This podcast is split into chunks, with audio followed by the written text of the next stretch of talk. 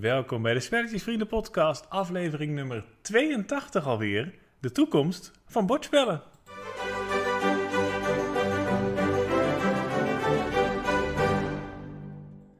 Maar voordat we de toekomst induiken, eerst even het verleden. Namelijk ongeveer een week geleden waren we een weekendje weg met Freddy en Saskia. Een jaarlijkse traditie, lekker veel bordspellen spelen, een heel weekend lang. En je zat er behoorlijk in. Ja, ik zat er heel diep in. Ja, wat ging er mis? Nou, nou, kijk.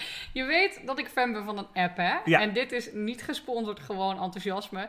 Maar wij hebben een eh, statistieke app die heet BG Stats, BG Stats, zeg maar. En daarin hou ik alles bij over de bordspellen die we spelen. Dus hoe vaak we ze doen, je kan zien wie er wint, waar je het meeste speelt, hoe lang dingen duren. Je kan echt alles aan zijn moeder tracken. Even één ding tussendoor. Laatst zeiden wij tegen elkaar echt gemeend en dus no spon. Dit is denk ik de beste app die we hebben. Ja, los van Google Maps. Die heb ik ook nodig. Oh, Google Maps is ook fijn, klopt. ook Anders eh, kom je ergens in de rimboe Ja, terecht. ja. Maar BG Stats nummer 2. Ja, echt. Het is echt een fantastische app. Dus eh, ja, hij kost inderdaad echt een, letterlijk een paar euro. Maar het is de eerste app waar ik ooit voor betaald heb. En ik heb er echt 0% spijt van. Het is echt, echt alles waard. Maar...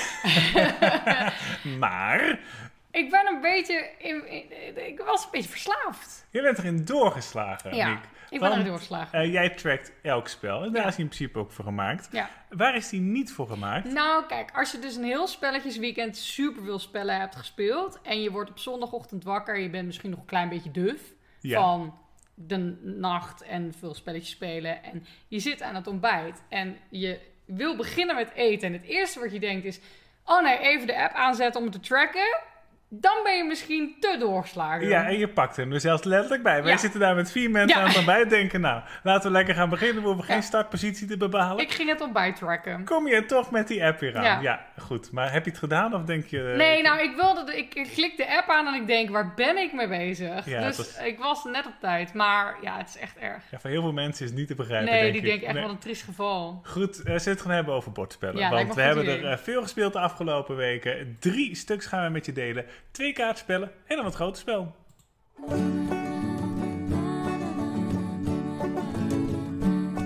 Wat hebben we gespeeld? Wat hebben we gespeeld? Wat hebben we?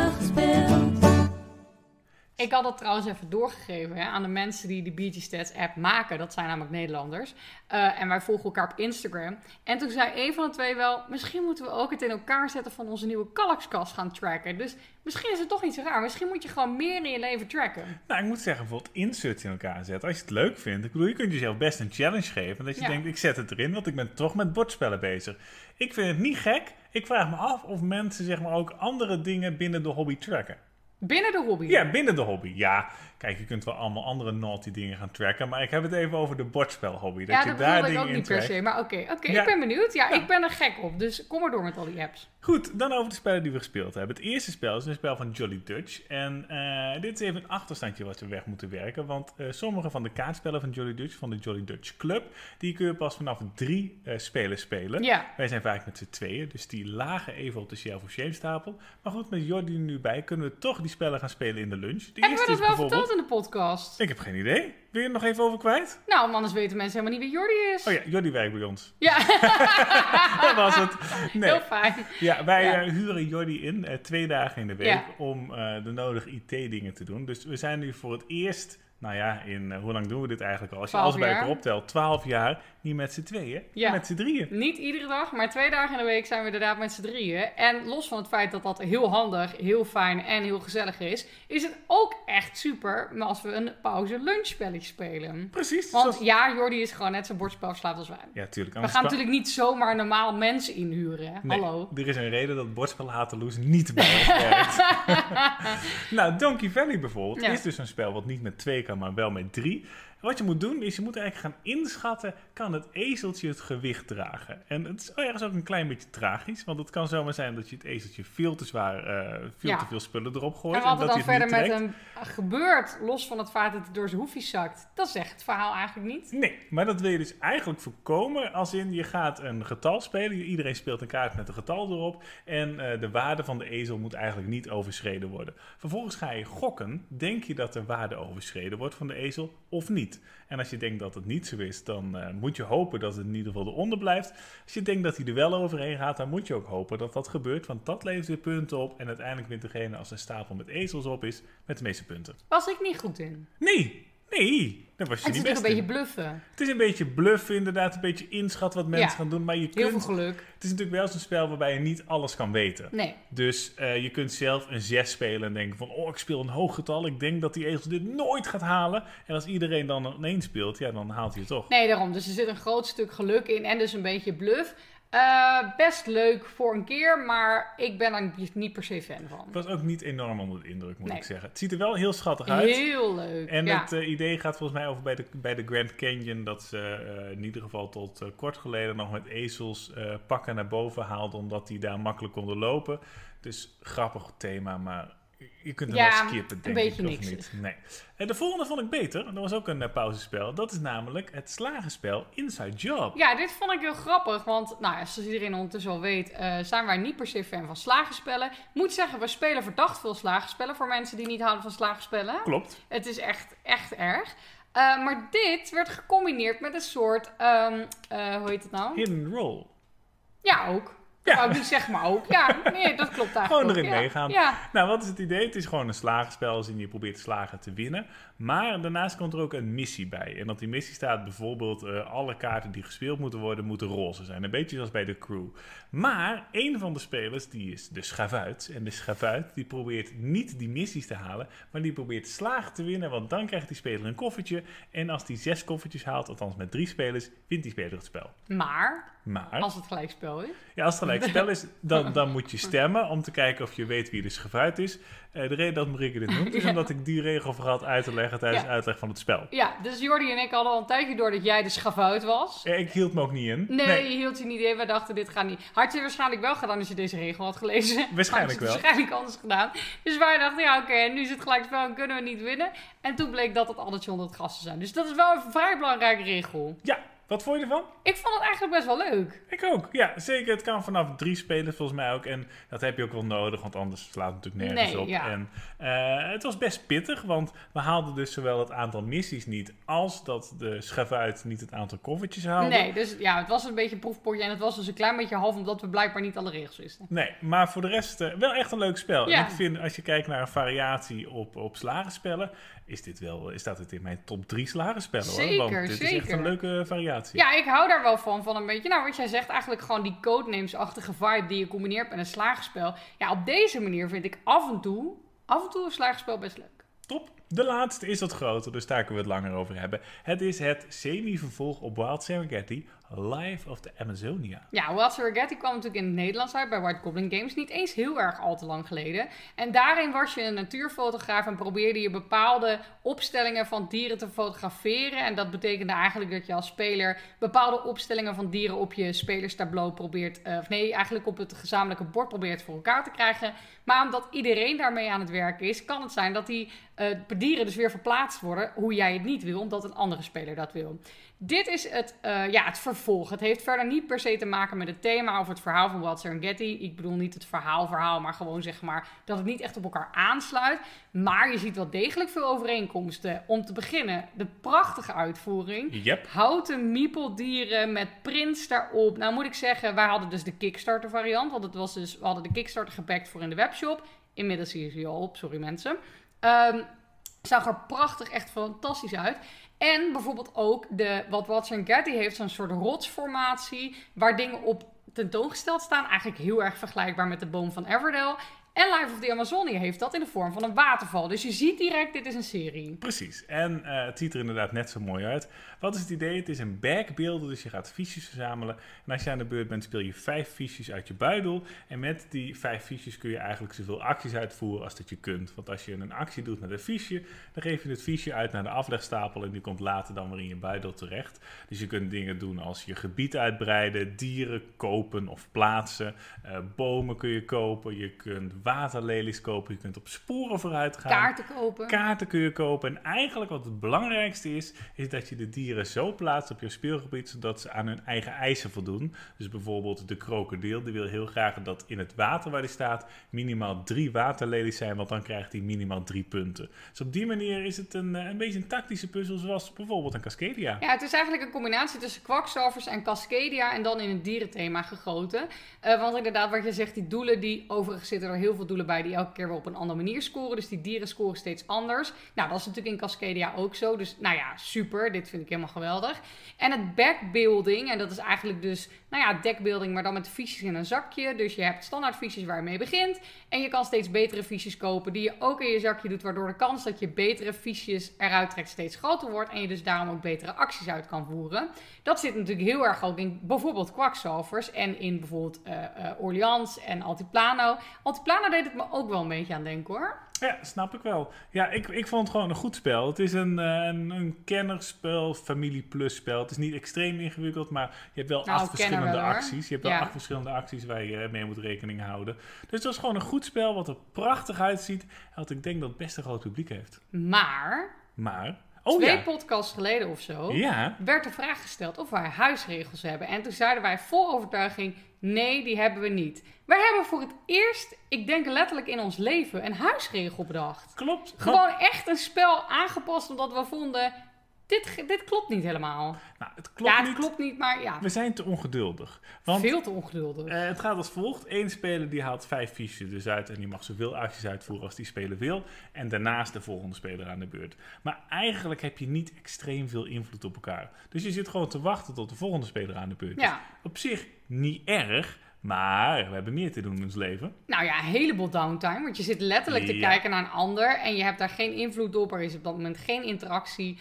Duurt echt best wel lang. Want die fiches eruit trekken, maar dan moet je nog een strategie bedenken. Omdat je dus afhankelijk bent van die fiches, kun je niet vooruitdenken. Dus je kan niet denken, oh ik heb dit, dus de volgende beurt doe ik dat. Dus om te beginnen hadden we al zoiets van, oké, we trekken de fiches vast en dan kijk je wat je hebt. En dan kijk je vooruit van wat je kan doen, want dat scheelt een heleboel downtime. Dan kan je een beetje nadenken. Dat is ook wat ik leuk vind in het moment van downtime, te bedenken wat ik het beste zou gaan kunnen doen de volgende beurt. Dus dat hadden we al eerst aangepast, maar nu hebben we het echt gewoon besloten dat we het tegelijkertijd gaan doen, zoals bij Quacksalvers. Ja, in principe kan dat prima. Er zijn wel dingen waarbij het niet kan. Als in je hebt een aantal kaarten die open liggen. En als ik net de kaart wegpak die jij graag zou willen hebben. Ja, dan kan het zijn dat we elkaar in de weg zitten. Dus toen dachten we, hé, hey, we hebben zo'n startspelerfiche. Ja. Die krijgt één speler. En op het moment dat de speler gebruik maakt van het startspelerfiche. Oftewel, hij pakt een kaart die een ander eventueel zou willen hebben. Dan schuift hij door. En toen later, dacht, later dachten we, nog beter. Gewoon elke ronde dat fiche. Ja. Degene die het fiche heeft, die mag als eerste een kaart pakken als er over getwijfeld wordt. Ja, zo is het een stuk sneller. Ja, want als je wacht totdat dat een keer gebeurd is, dat is niet heel handig, want dan moet je heel erg uitgaan van de eerlijkheid van de mens. Maar je moet ook zeg maar, eh, niet alleen dat, want ik denk niet dat wij erover zouden liegen, dat weet ik wel zeker. Maar wel, eh, is dan misschien een kaart dan weg waar je al over getwijfeld had, zeg maar. En heb je die helemaal niet gezien. Dus de startspelervisie elke keer doorgeven vind ik nog beter. Maar om eerlijk te zijn, vind ik dat het het spel veel leuker maakt. Want ik vond die downtime en de, de tijd die het duurde om het spel te spelen, en dat vind ik ook bij Wild Serengeti, vind ik echt lang. Ik zou Wild Serengeti, die hebben we één keer met vier personen gespeeld, dat doe ik nooit meer. Nee, met twee is tien. Veel te lang. Twee is veel beter. Ja, veel beter. Dus dat vond ik grappig dat dat eh, bij deze blijkbaar weer zo was. Maar ja, wat mij betreft, als je eh Live of the Amazon je hebt en je denkt, hé, hey, dat duurt maar ook te lang. Doe het eens op deze manier, want het maakt het spel een stuk leuker. Eens. Onze eerste huisregel. Onze eerste huisregel. Maar laat je je niet door afschrikken, mensen. Want er blijft gewoon een goed spel over. Wat ik denk dat een hele grote doelgroep heeft. Zeker. Dus eh, ga er zeker eens naar kijken. Als het goed is, is die weer onderweg naar ons magazijntje. Als je dit tenminste direct luistert. Dat zou leuk zijn. Eh, gaan wij door naar de AI.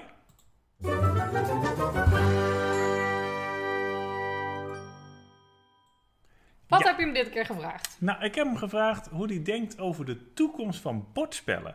Wat kunnen wij in de toekomst verwachten in de bordspelwereld? Interessant. Dus je hebt eigenlijk de AI een soort glazen bol gegeven. Ja, en dat vindt hij lastig. Want het eerste wat hij dan zegt is: hoewel ik geen toekomstvoorspellingen kan doen, kan ik enkele trends en potentiële innovaties in de bordspelwereld beschrijven die we de komende tien jaar kunnen verwachten op basis van ontwikkelingen tot mijn laatste kennisupdate in september 2021. Oeh, Dus dat is niet recent. Dus er komt een heel stuk informatie inderdaad eh, voor. Eh, toen dacht ik aan iets wat ik laatst in het nieuws zag. Dat je inderdaad op moet passen wat je allemaal de AI vraagt. Want blijkbaar hebben ze bij Microsoft hebben ze een plek voor volgens mij iets van Windows. Waarbij reisblogs voorbij komen. En een tijdje geleden hebben ze een boel journalisten eruit gegooid om ze te laten vervangen door de AI's.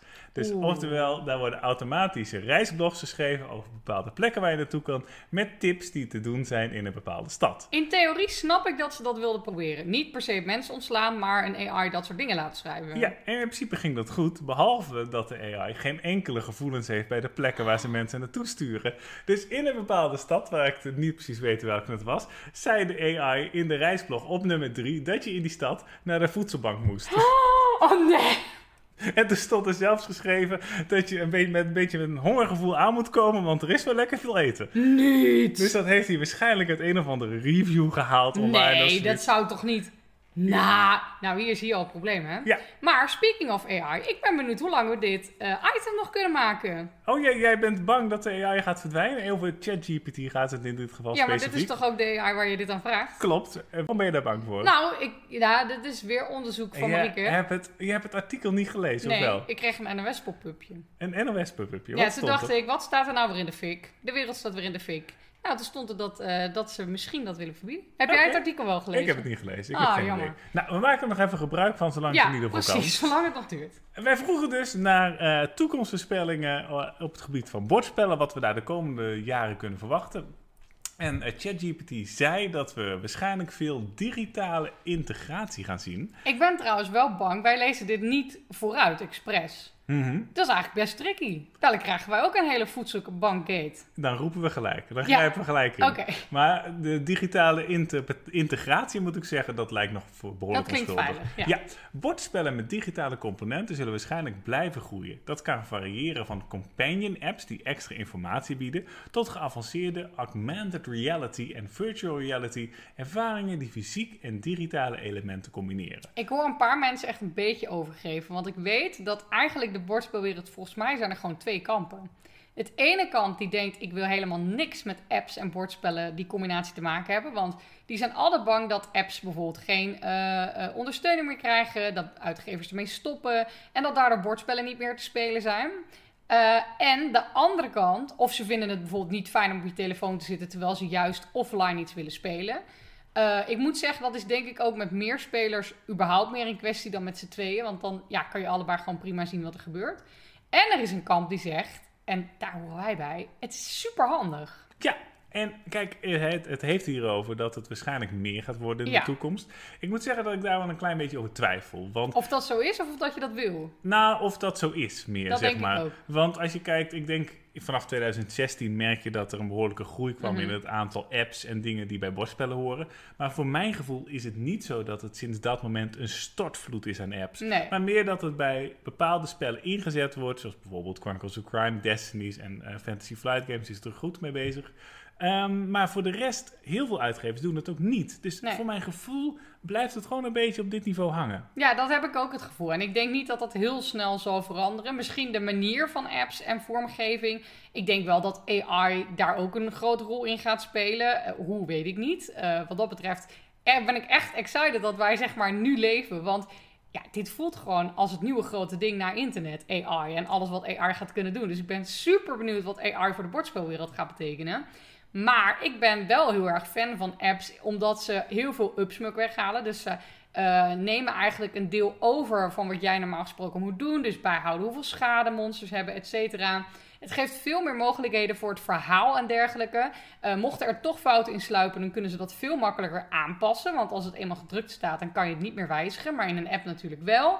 Dus dat ja, geeft mij heel veel voordelen. Om eerlijk te zijn ben ik ook niet zo bang dat uitgevers stoppen met zo'n app. Want A, het, ja, het, het is me nog nooit overkomen. Mhm. Dat is misschien een slecht argument. Maar ik heb ook nog nooit gehoord dat een app geen ondersteuning meer kreeg. Nee, dat klopt. Maar volgens mij kun je wel de Nederlandse Chronicles of Crime is, dacht ik, nu wat lastiger te spelen. Omdat volgens mij Nine Games langzaam er afscheid van neemt. Dus ik weet dat mensen in onze spelletjeswoonkamer wel eens Chronicles of Crime wil spelen. En dat het wel eens moeite heeft met de Nederlandse vertaling van bepaalde Hmm, scenario's. Dus goed, ik weet hier niet het fijne van. Maar misschien dat dat, je met talen eerder, als ze zeg maar licenties verlopen, kan ik me voorstellen dat het misschien lastiger wordt. Maar Ja. voor de rest heb ik het inderdaad niet meegemaakt. Ja, maar goed, eh, dit is natuurlijk ook Ik bedoel, het zal best wel gebeuren, daar niet van. Eh, dus wat dat betreft is het ook niet zo dat de mensen die geen apps willen, eh, wat mij betreft, een slechte mening hebben, helemaal niet. Maar ik vind de voordelen gewoon opwegen tegen de nadelen, laat ik het dan zo zeggen. Maar digitale integratie, ja, ik snap dat het hiermee komt, want ik denk letterlijk op iedere vraag, wat gaat er in de toekomst gebeuren, staat overal digitale integratie. Dus ik denk dat hij dat daar gewoon ergens vandaan heeft gehaald. Tweede is ook een inkoppertje, namelijk AI en machine learning. Bordspellen met AI-tegenstanders zullen geavanceerder worden. Dit kan leiden tot meer dynamische en uitdagende solo- en coöperatieve spelervaringen, waarin de AI zich kan aanpassen aan de vaardigheden van de speler. Ja, dat is echt super tof en ook creepy. Ja, Want dan kan hij dan.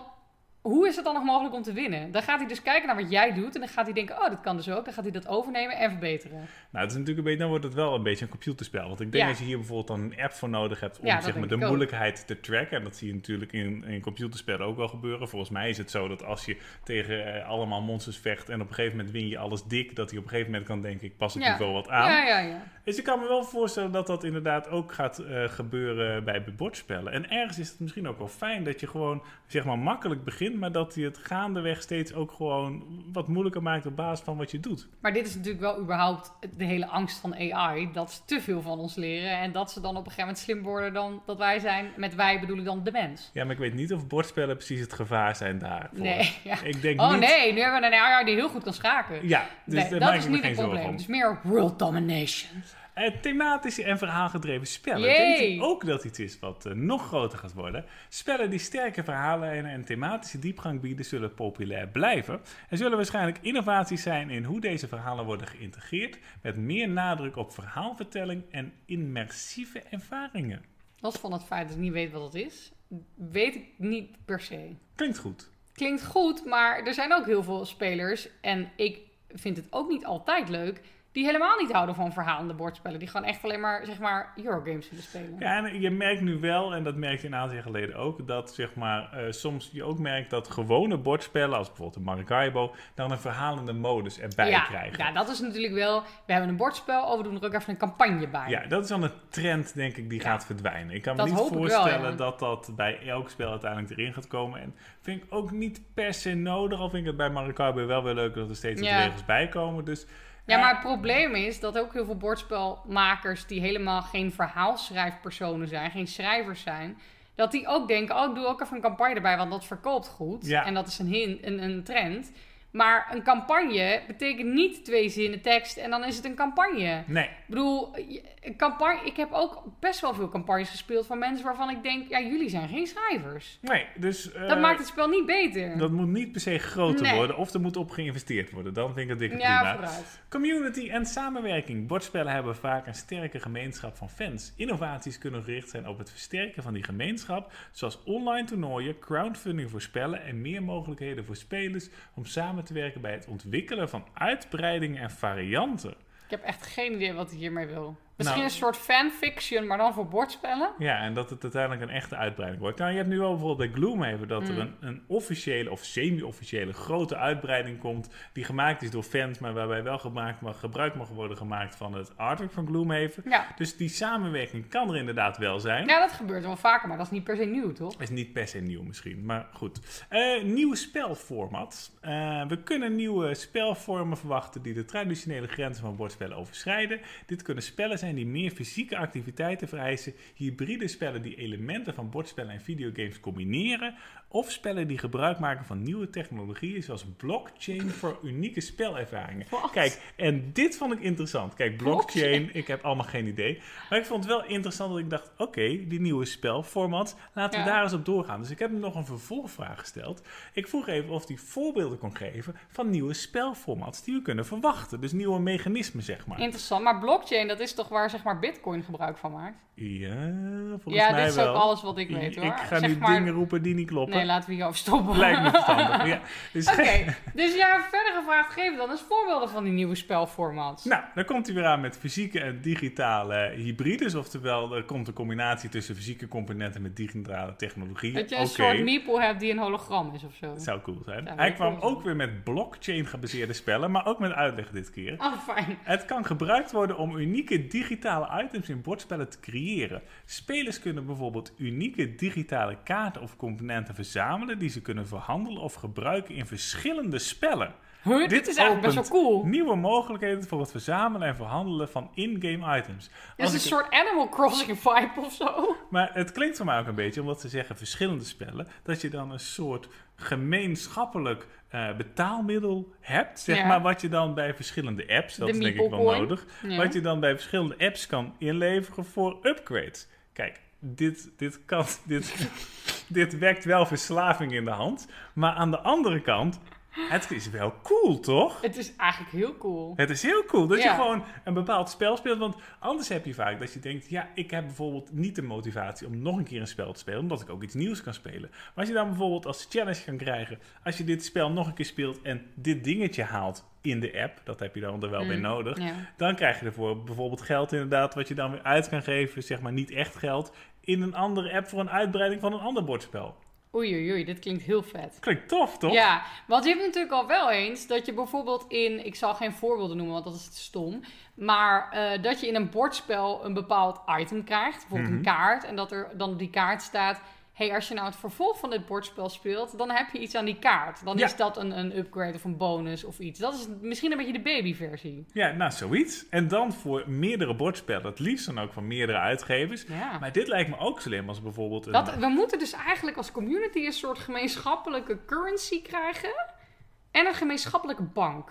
Ja, nou kijk, er zijn denk ik twee mogelijkheden als die doorgaat. Er kan en een uitgever kan het oppakken, maar dan is het waarschijnlijk weer alleen voor die uitgever. Maar inderdaad, als de community die op zou pakken, dan, ja, dan kun je dit inderdaad uitgever breed gaan eh, Een soort, nou ja, dat Geek Gold van Boardgame Geek. Ja, Interessant. Nou, eh, er kwam nog meer. Het, Oh. eh, er kwam nog meer. Namelijk mixed reality games. Deze spellen vermengen de fysieke en de digitale wereld met innovatieve manieren. Bijvoorbeeld een bordspel dat gebruik maakt van virtual reality headsets om een meeslepende 3D-spelwereld te creëren, waarin spelers kunnen bewegen en interageren. En dan wordt het een computerspel Nee. en daar is het budget niet Nee, voor, denk nou, ik. niet alleen dat, maar dan moet ik weer opstaan. Oh.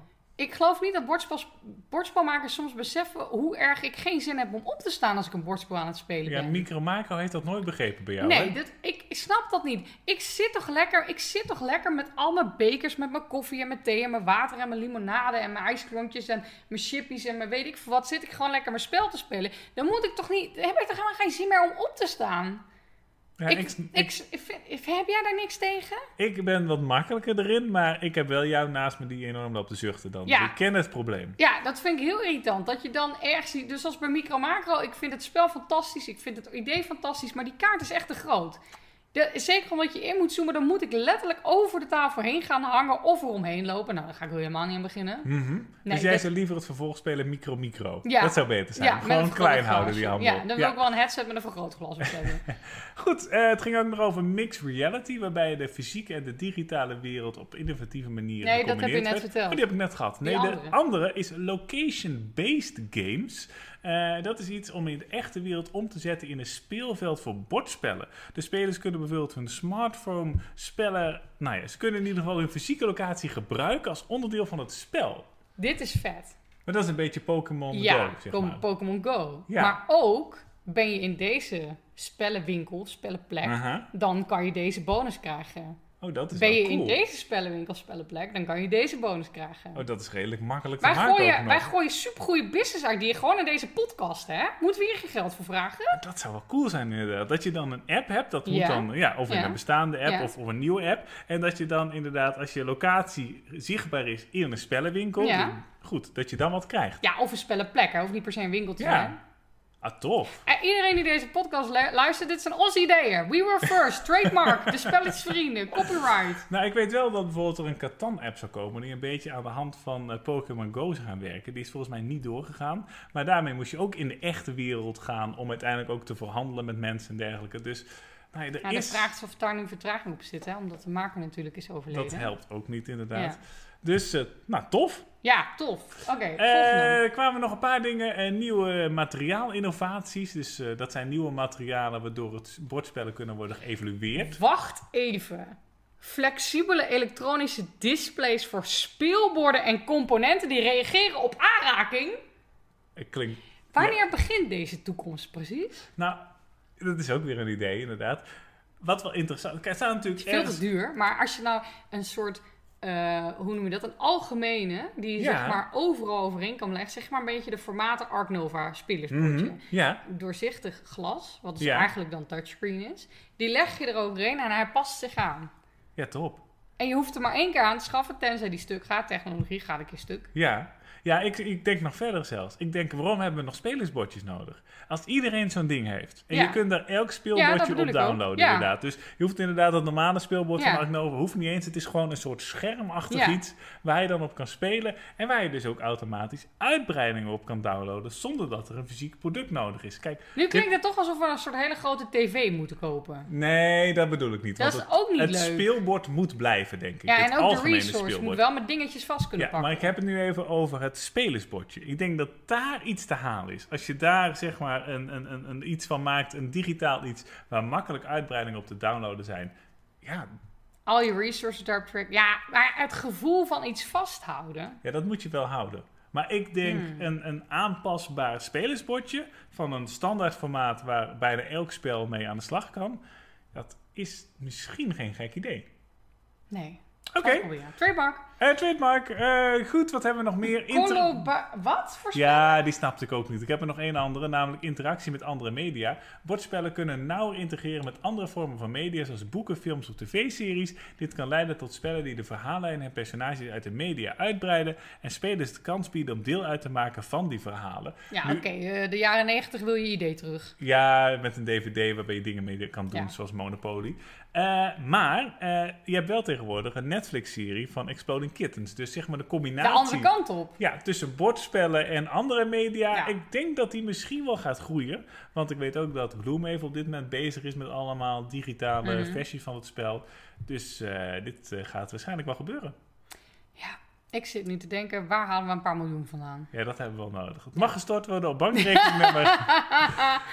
Heb jij nog een paar miljoen over? Stuur ons even een mailtje. Eh, kun je door naar het volgende onderwerp? Of zit je hoofd nog vol met de AI-ideeën? Ja, maar dat parkeer ik even. Fantastisch. Gaan we door naar het bordspelnieuws met daaronder een spel over een waterfall park.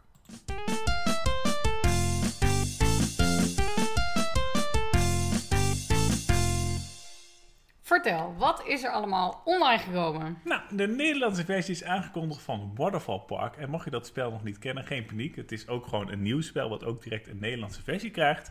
Een korte productomschrijving. Er staat, je bent ingehuurd om attracties te bouwen voor het meest fantastische pretpark ooit.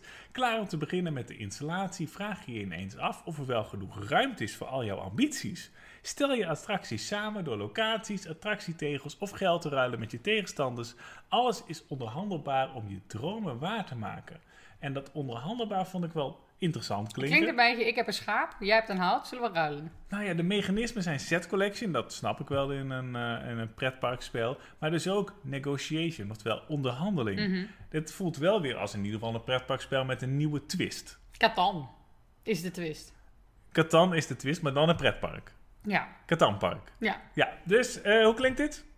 prima. Prima. Mooi. Nou, de cover is heel tof. De koffer is heel mooi, het materiaal is ook tof en hij is niet al te duur. Dus wat dat Ik betreft... ga het wel weer spelen, maar ik ben dan benieuwd of die zeg maar op de stapel belandt hele leuke pretparkspellen, want daar zijn er al best wel veel van. Mhm. Of dat hij op de stapel belandt Danger Park. Ja, dat moet niet gebeuren, want dat is inderdaad... Pretparkspellen zijn over het algemeen goed, zeg maar gemiddeld zevens. Ja. Maar inderdaad, Danger Park was wel een eh, En er zijn er te veel van, dus ik ben benieuwd of hij er nog bovenuit gaat steken. Eh, dan kwam ook eh, bij White Collar Games komt een Nederlandse versie van Unmatched Adventures. Dat is namelijk een coöperatieve versie van het populaire Unmatched. Neem het samen op tegen angstaanjagende schurken en hun handlangers die worden aangestuurd door eenvoudige maar slimme spelregels. Tales to Amaze, zo heet hij, brengt klassieke schurken uit de Pulp Fiction samen met welbekende lokale legendes uit de 20e eeuw. Kies een schurk, kies de handlangers en red de wereld. In Match Adventures kun je zowel als een coöperatief als als een competitief spel spelen. Je kunt de helden uit deze set ook gebruiken voor het standaardspel een match. Je kunt ook de speelborden uit deze doos gebruiken Ja, voor gewoon andere weer mix en spellen. match. Gewoon weer mix en match. Ja. Maar coöperatief klinkt ook Leuk. als een leuke eh, variatie. Ben benieuwd. Dan Maar de goed. grootste. Ja, het beste voor het laatst. Pirates of Maracaibo. Hijs de zeilen voor een avontuurlijke plundertocht, want het zou wel eens je laatste kunnen zijn. Bababam. Tot zeer gevaar en avontuur terwijl je opnieuw zoekt naar de meest waardevolle schatten die de Caribiën te bieden hebben. Vind daarna snel een veilige haven om kostbaar goud, zeldzame smaragden en parels met een schitterende glans te verstoppen. Verken, verzamel lading, huur bemanning in, neem rivaliserende schepen over, maar vergeet niet om je buit te begraven. Terwijl je vaart zoek je naar een plek om je te vestigen nadat je leven op volle zee ten einde is gekomen. Het zal niet gemakkelijk zijn. Je moet je tegenstanders te snel af zijn, want één reis rond de Caribiën zal niet genoeg zijn. Je moet drie reizen maken om je te kunnen terugtrekken als de rijkste en grootste zeerover alle tijden. Het is dus een op zichzelf staand spel in dezelfde franchise als het populaire spel Maracaibo. En spelers die bekend zijn met Maracaibo zullen enkele geliefde concepten uit het origineel herkennen.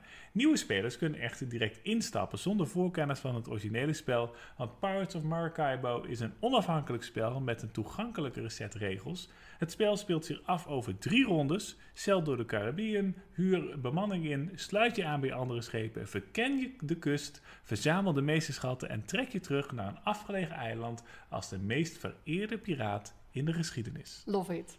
Top. Ja, Maracaibo vind ik echt fantastisch. Dat is echt... Dat speelt zo soepel, zo 10 vermogen. Ja, ik vind dat echt, echt fantastisch. Mhm. Dus ik ben heel benieuwd naar deze. Ik ook, want ik dacht wel, ik ben het helemaal met je eens, Maracaibo is top. Ik dacht wel na de uitbreiding, dacht ik, oké, top. Nu is het zeg maar gewoon goed, het hoeft Ja, maar niet... we hebben echt een miljoen potjes gespeeld. Ja, inderdaad. Dus ik ben blij dat ze nu in ieder geval iets nieuws doen, wat fijn is, maar wel Ja. met een andere twist. Ik zie bijvoorbeeld als mechanisme dice rolling. Dat herkende ik bijvoorbeeld al niet uit het gewone Nee, Maracaibo. nee, klopt. Dus eh, klinkt goed. Ja, maar hij, klonk, hij klinkt als een iets makkelijkere versie. Zo Maar klonk hij inderdaad wel. ja, we gaan het zien. Ik ben heel benieuwd. Goed, klein woordje van onze sponsoren. Zeker. En dan komen we terug met een spel op onze wishlist. Ben jij net zo gek op bordspellen als wij? Sluit je dan aan bij de gezelligste club van Nederland. Als lid van de DSV-club krijg je niet alleen meer korting, meer aanbiedingen en meer video's. Je krijgt ook toegang tot de DSV-club Telegram-groepen. En dat betekent iedere dag kletsen over bordspellen, snel nieuws ontvangen over de nieuwste releases, de nieuwste Kickstarters bespreken, spellen tweedehands kopen en verkopen, elkaar helpen met de spelregels. De clubchat staat geen moment stil en het is serieus de leukste groep ooit. Oh, en wist je dat we ook nog een clubdag hebben? Super gezellig. Baby, you me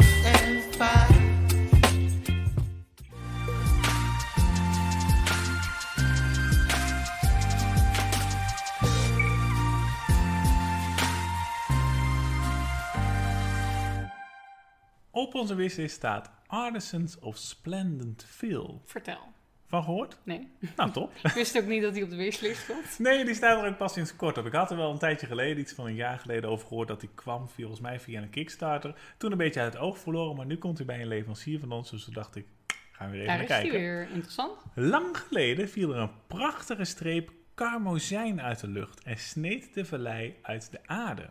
Los van de rest van de wereld bloeide het leven op in de vallei.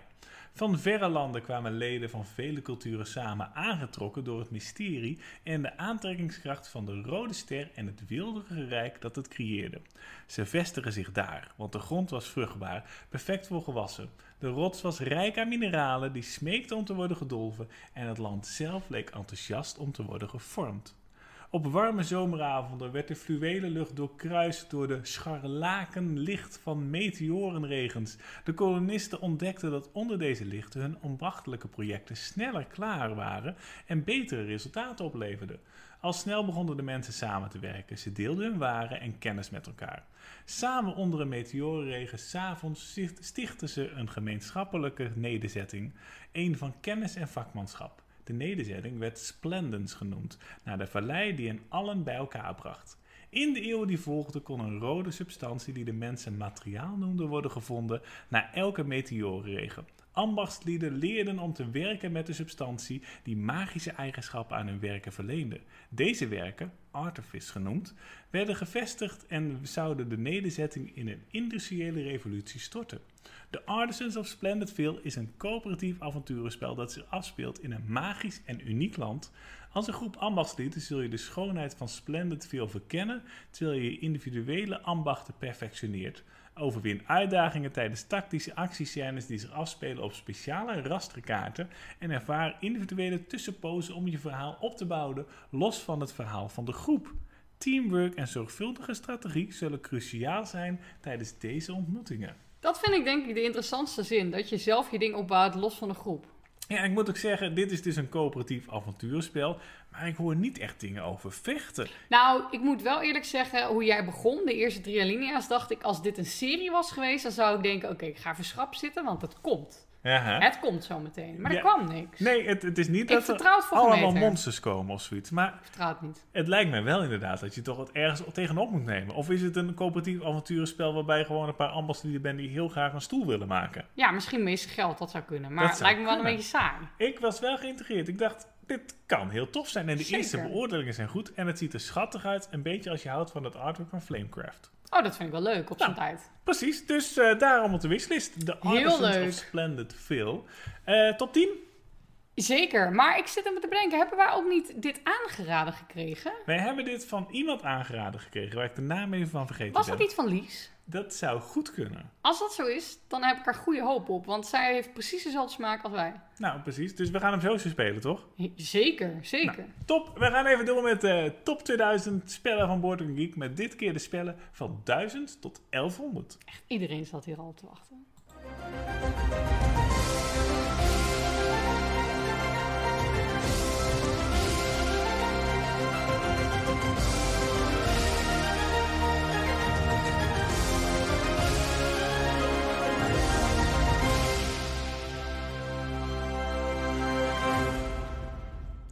Ja, iedereen zat te denken, wanneer gaan ze toch weer verder met de top de 100? Nee, ik, die. De top 2000. Ja. ja, nee, En begon die maar. We Daar heb ik zijn, zin in. we zijn zo meteen, zei hij van onderwerp veranderd. We zijn zo meteen op de helft na deze. Ah. Dus wat dat betreft nog maar 10 weken plezier en dan is het alweer afgelopen.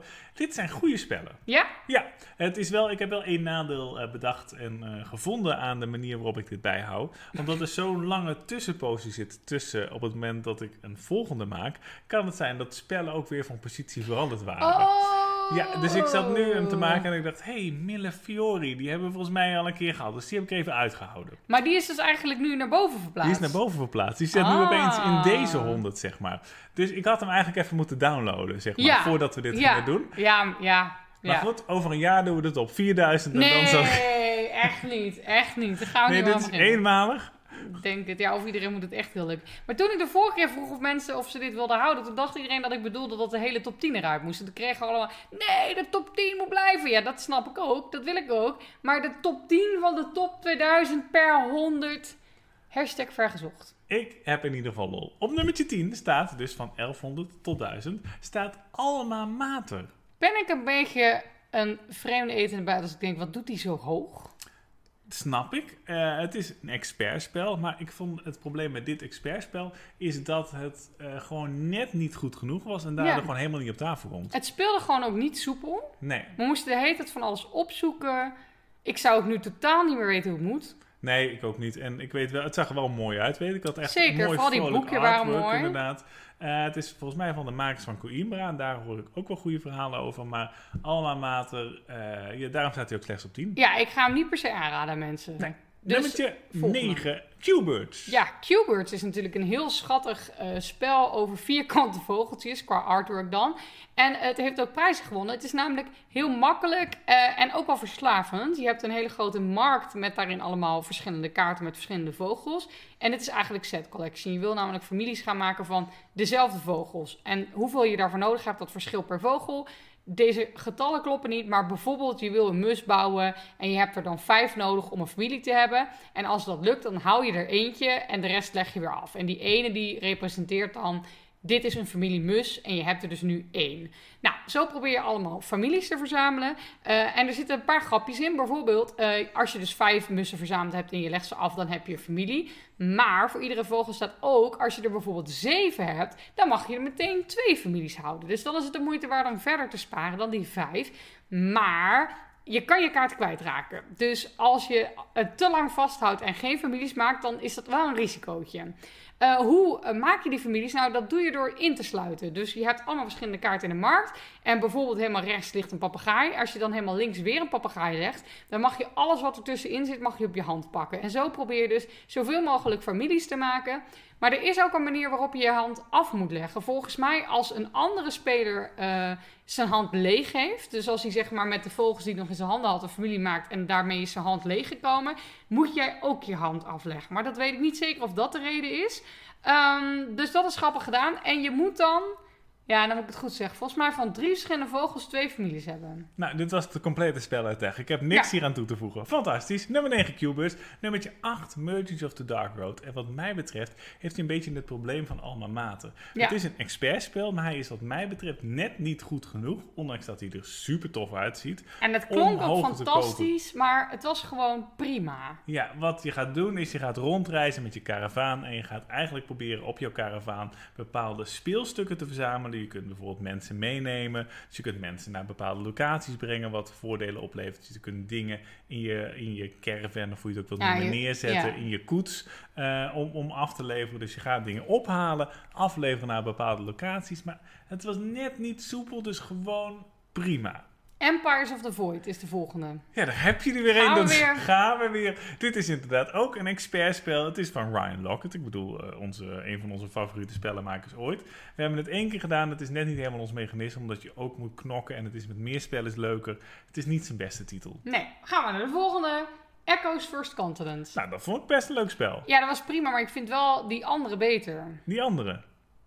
Ik ben in de war, hè? Je bent in de war. Je denkt, bedoelt waarschijnlijk Oceans, of Ja. niet? Ja, nee, dit staat er helemaal los van. Oh, dan moet Dit je me even bij helpen. Echo's First Continent moet ik ook even graven. Ik weet dat ik hem prima vond. Is dat voldoende voor je? Oké, Oké, volgende. nummertje Ja, maar we, kunnen dus concluderen dat alles wat we tot nu toe genoemd hebben, los van Q-Birds, maar dat is gewoon een klein kaartspelletje, is niet echt een must-have. Nee, Dus de- die kun je gewoon negeren. De top 5, kijk, nu komt ook gelijk een kwaliteitssprong omhoog. De top 5 is wat mij betreft op zijn minst erg goed.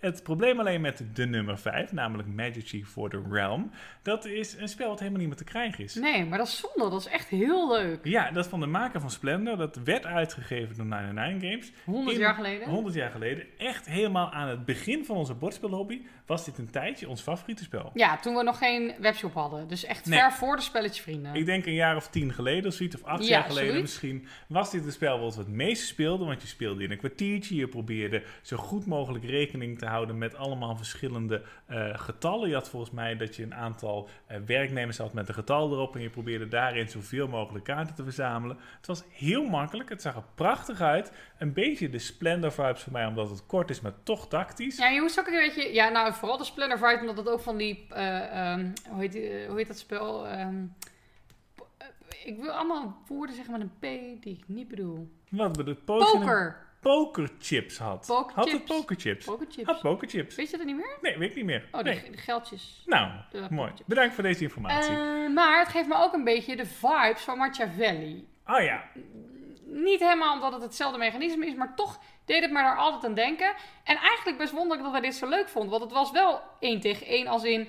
Je probeerde de hele tijd de werknemer van de ander... probeerde je eigenlijk om te draaien, dat hij niet meer geldig was. ja, maar toch Dus op dat was misschien de andere manier... Machiavelli-vibe die wij erin zagen. Omdat het zo kort was, ja, als je Ja. het nog kan krijgen, misschien in het Engels nog ergens. Ik vond het toen tenminste echt verrassend. Ik heb het echt zin om weer te spelen nu. Snap Ik ik. kan wel even meenemen naar huis vanavond. Dus kijk gewoon even in de spelletjeswoonkamer. ja, waar ligt hier. Je mag meer gewoon spelen. Nummertje 4 is een eh, nieuw spel, namelijk Marrakesh. Die staat al snel hoog. Staat best hoog. Die wordt ook echt goed beoordeeld. Van de City een, eh, Collection. ja, boven een 8. Het is een expertspel van Stefan Veld, die je kunt kennen van de Castle Burgundy. En wat je gaat doen is eigenlijk proberen zo slim mogelijk te bepalen welke blokjes je in wil zetten. Want wat je gaat doen, je gaat een aantal blokjes pakken. Die worden vervolgens in een soort van dobbelsteentoren gegooid. Dat is het niet precies. Die komen eruit en vervolgens degene die eruit komen, kunnen door alle spelers gebruikt worden voor acties. Die worden één voor één eruit gehaald om allemaal verschillende acties uit te voeren.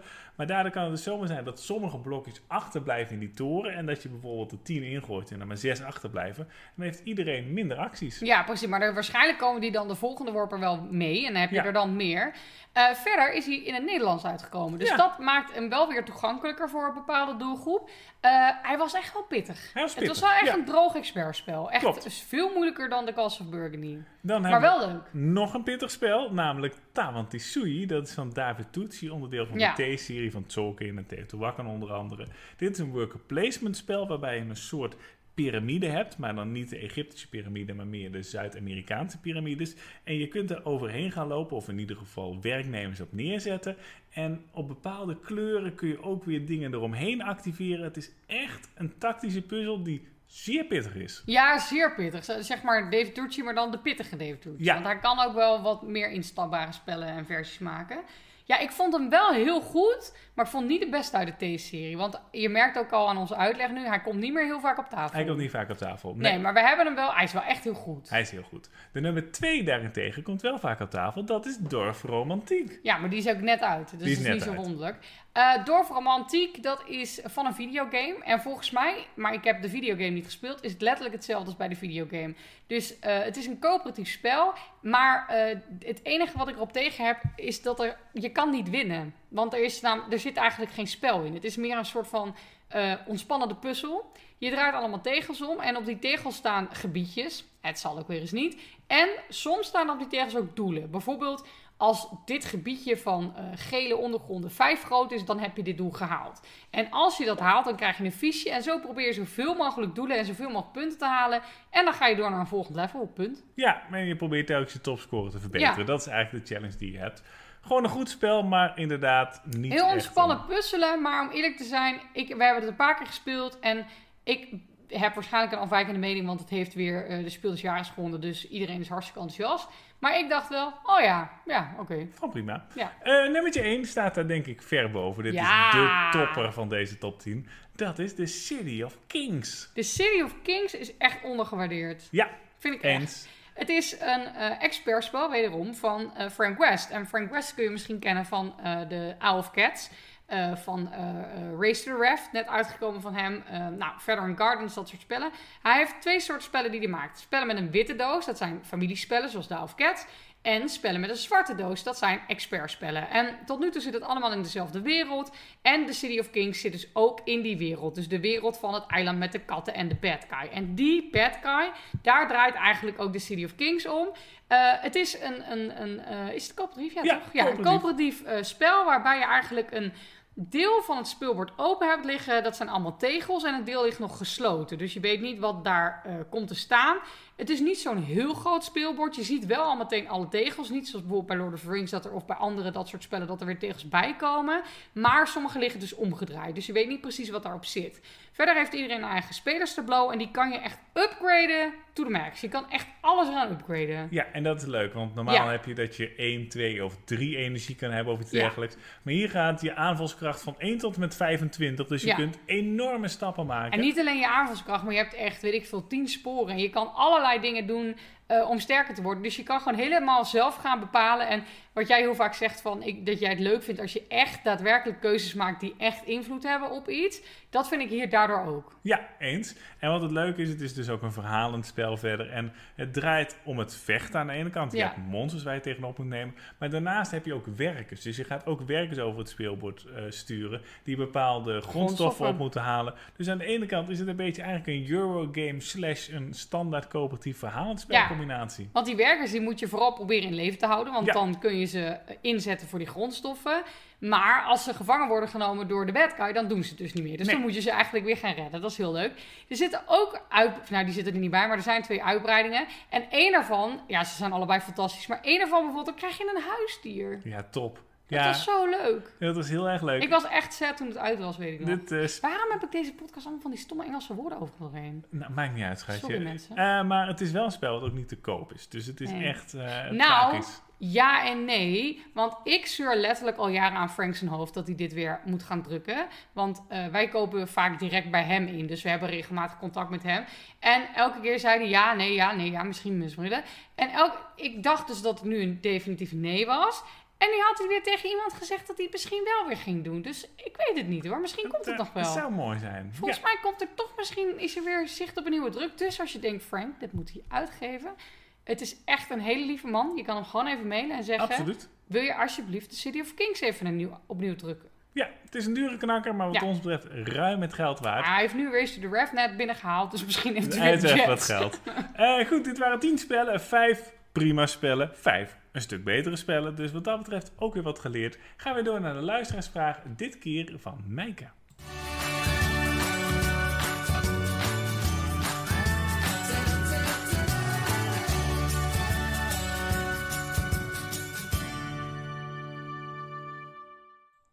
Meike die vraagt, een vraag voor de Bordspelshow of de podcast, het is de laatste geworden.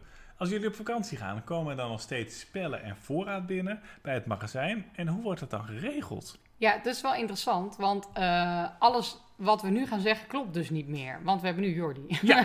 Maar het was tot nu toe was het zo dat Ja. we er eigenlijk omheen probeerden te plannen. Ja. Dus eh, we gingen op een bepaald moment dat het rustig was, dat er als het goed is geen dingen binnen zouden komen. Kijk, met eh, vertraagde spellen weet je het nooit. Maar het idee was in ieder geval, er komt tijdens die week dat we weg zijn niks binnen. En daaromheen hebben we het gewoon druk. Ja, precies. Want wij weten al eh, op zich vroeg in het jaar wanneer we dan op vakantie willen gaan. Dat zoeken we altijd uit op de drukte in de webshop zelf. Dus op de rustigste momenten dat we zo min mogelijk tot last zijn, namen we dan vrij. Ehm, en inderdaad, soms schoven we daar net een week eh, of wat in eh, op een moment supreme als bleek dat er toch nog een levering kwam of zo. Ehm, en voor de rest wisten we natuurlijk, als we gaan, dan moet je niet zeg maar twee dagen daarvoor een levering gaan bestellen. Want dan komt die dus binnen op Ja. het moment dat je op vakantie bent. Daarbij gaven we aan iedere leverancier aan dat we op vakantie waren. Dus dat als er toch nog iets misging, of er kwam bijvoorbeeld iets binnen eh, wat wij in backorder hadden en waarvan we niet wisten dat het zou komen, eh, dat ze dat dan heel even vast moeten houden tot we weer teruggingen. Kijk, wij gingen altijd maar een week, hè? Dus het was ook maar een week. Dus vijf werkdagen gaat eigenlijk nergens over. Ehm, eh, dus eh, op die manier. En mocht het dan toch nog misgaan, dan hebben we een eh, videodeurbel. Ja. Dus dan bellen de chauffeurs aan aan de videodeurbel. En dan zeiden wij vanuit de vakantie, ja hallo, wij zijn er niet. Ja, stuur maar naar Duitsland. Daar zitten we. Nee, Zoiets. nee. nee, dan zeiden we, kun je dit meteen brengen op de maandag dat we terugkomen? En dan hebben we het meteen op het moment dat we weer terug zijn. Ja. Dus maar goed, dat. hopelijk is het nu anders. We weten nog niet precies helemaal hoe. Maar we hebben nu in ieder geval dus wel Jordi die kan En voorlopig helpen. gaan we niet op vakantie. En dus voorlopig gaan we niet op vakantie. We zijn ook net geweest. Dus eh, wat dat betreft, Meike, bedankt voor je vraag. Ja, hier Maar heb dat je het antwoord bij. Niks dan net. Goed, eh, dit was hem weer voor deze twee weken. We zijn over twee weken weer terug met podcast aflevering nummer 83. En dan zien we je heel graag dan. Lieve groetjes. Oh, en als je nog een luisteraarsvraag hebt, stuur hem even in. Ja, Want precies. volgens mij kunnen we wel weer wat nieuwe aanwas gebruiken. Doei doei! Doei!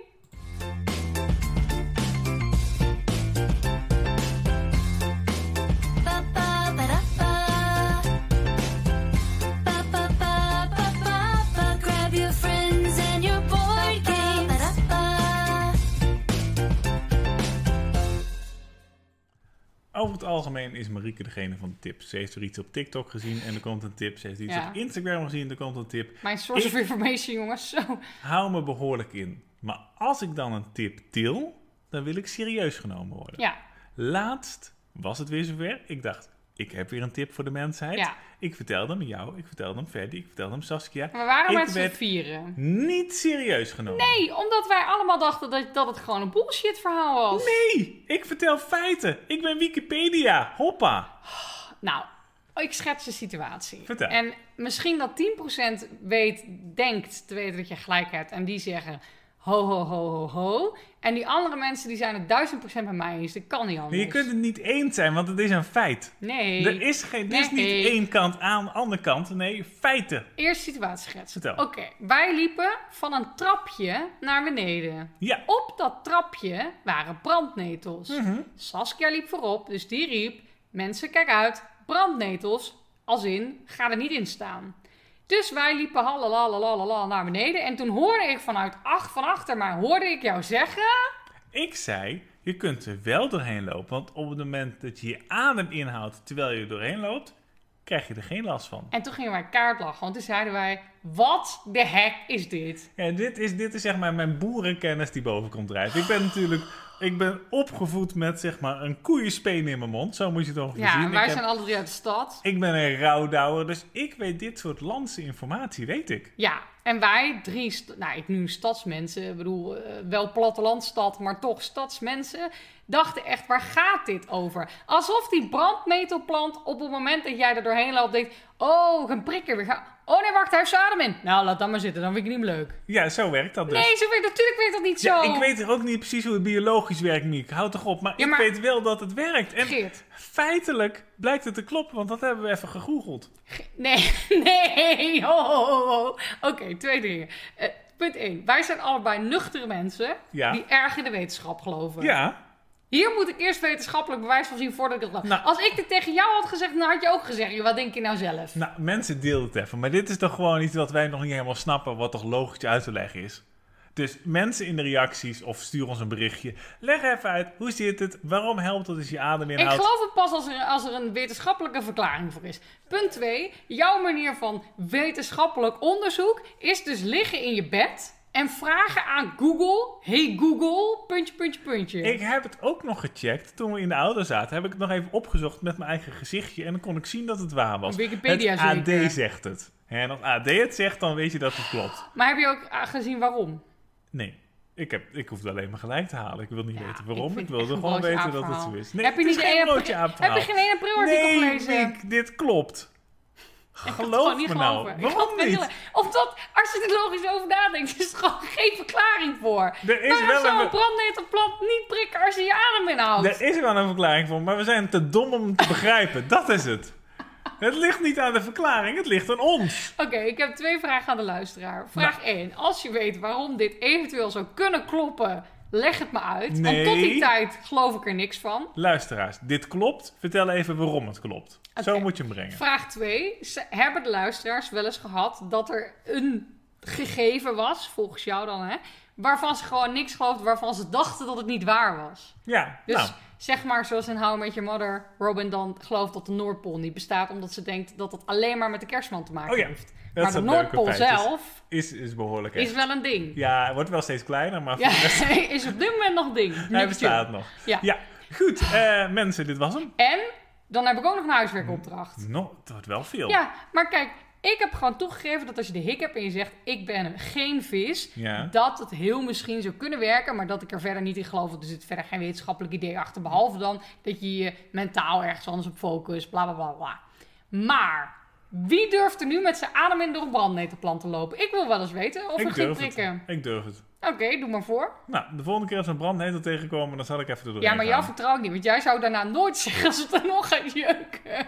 Goed. Ik wil heel graag jullie mening horen Ja, hierover. huiswerk voor de luisteraar. Loop door een brandnetel, hou je adem in en see what happens. Ja, try this at home. Ja, Goed, mensen, bedankt voor deze keer. Over twee weken zijn we terug. En hele, hele, hele lieve groetjes. doei doei!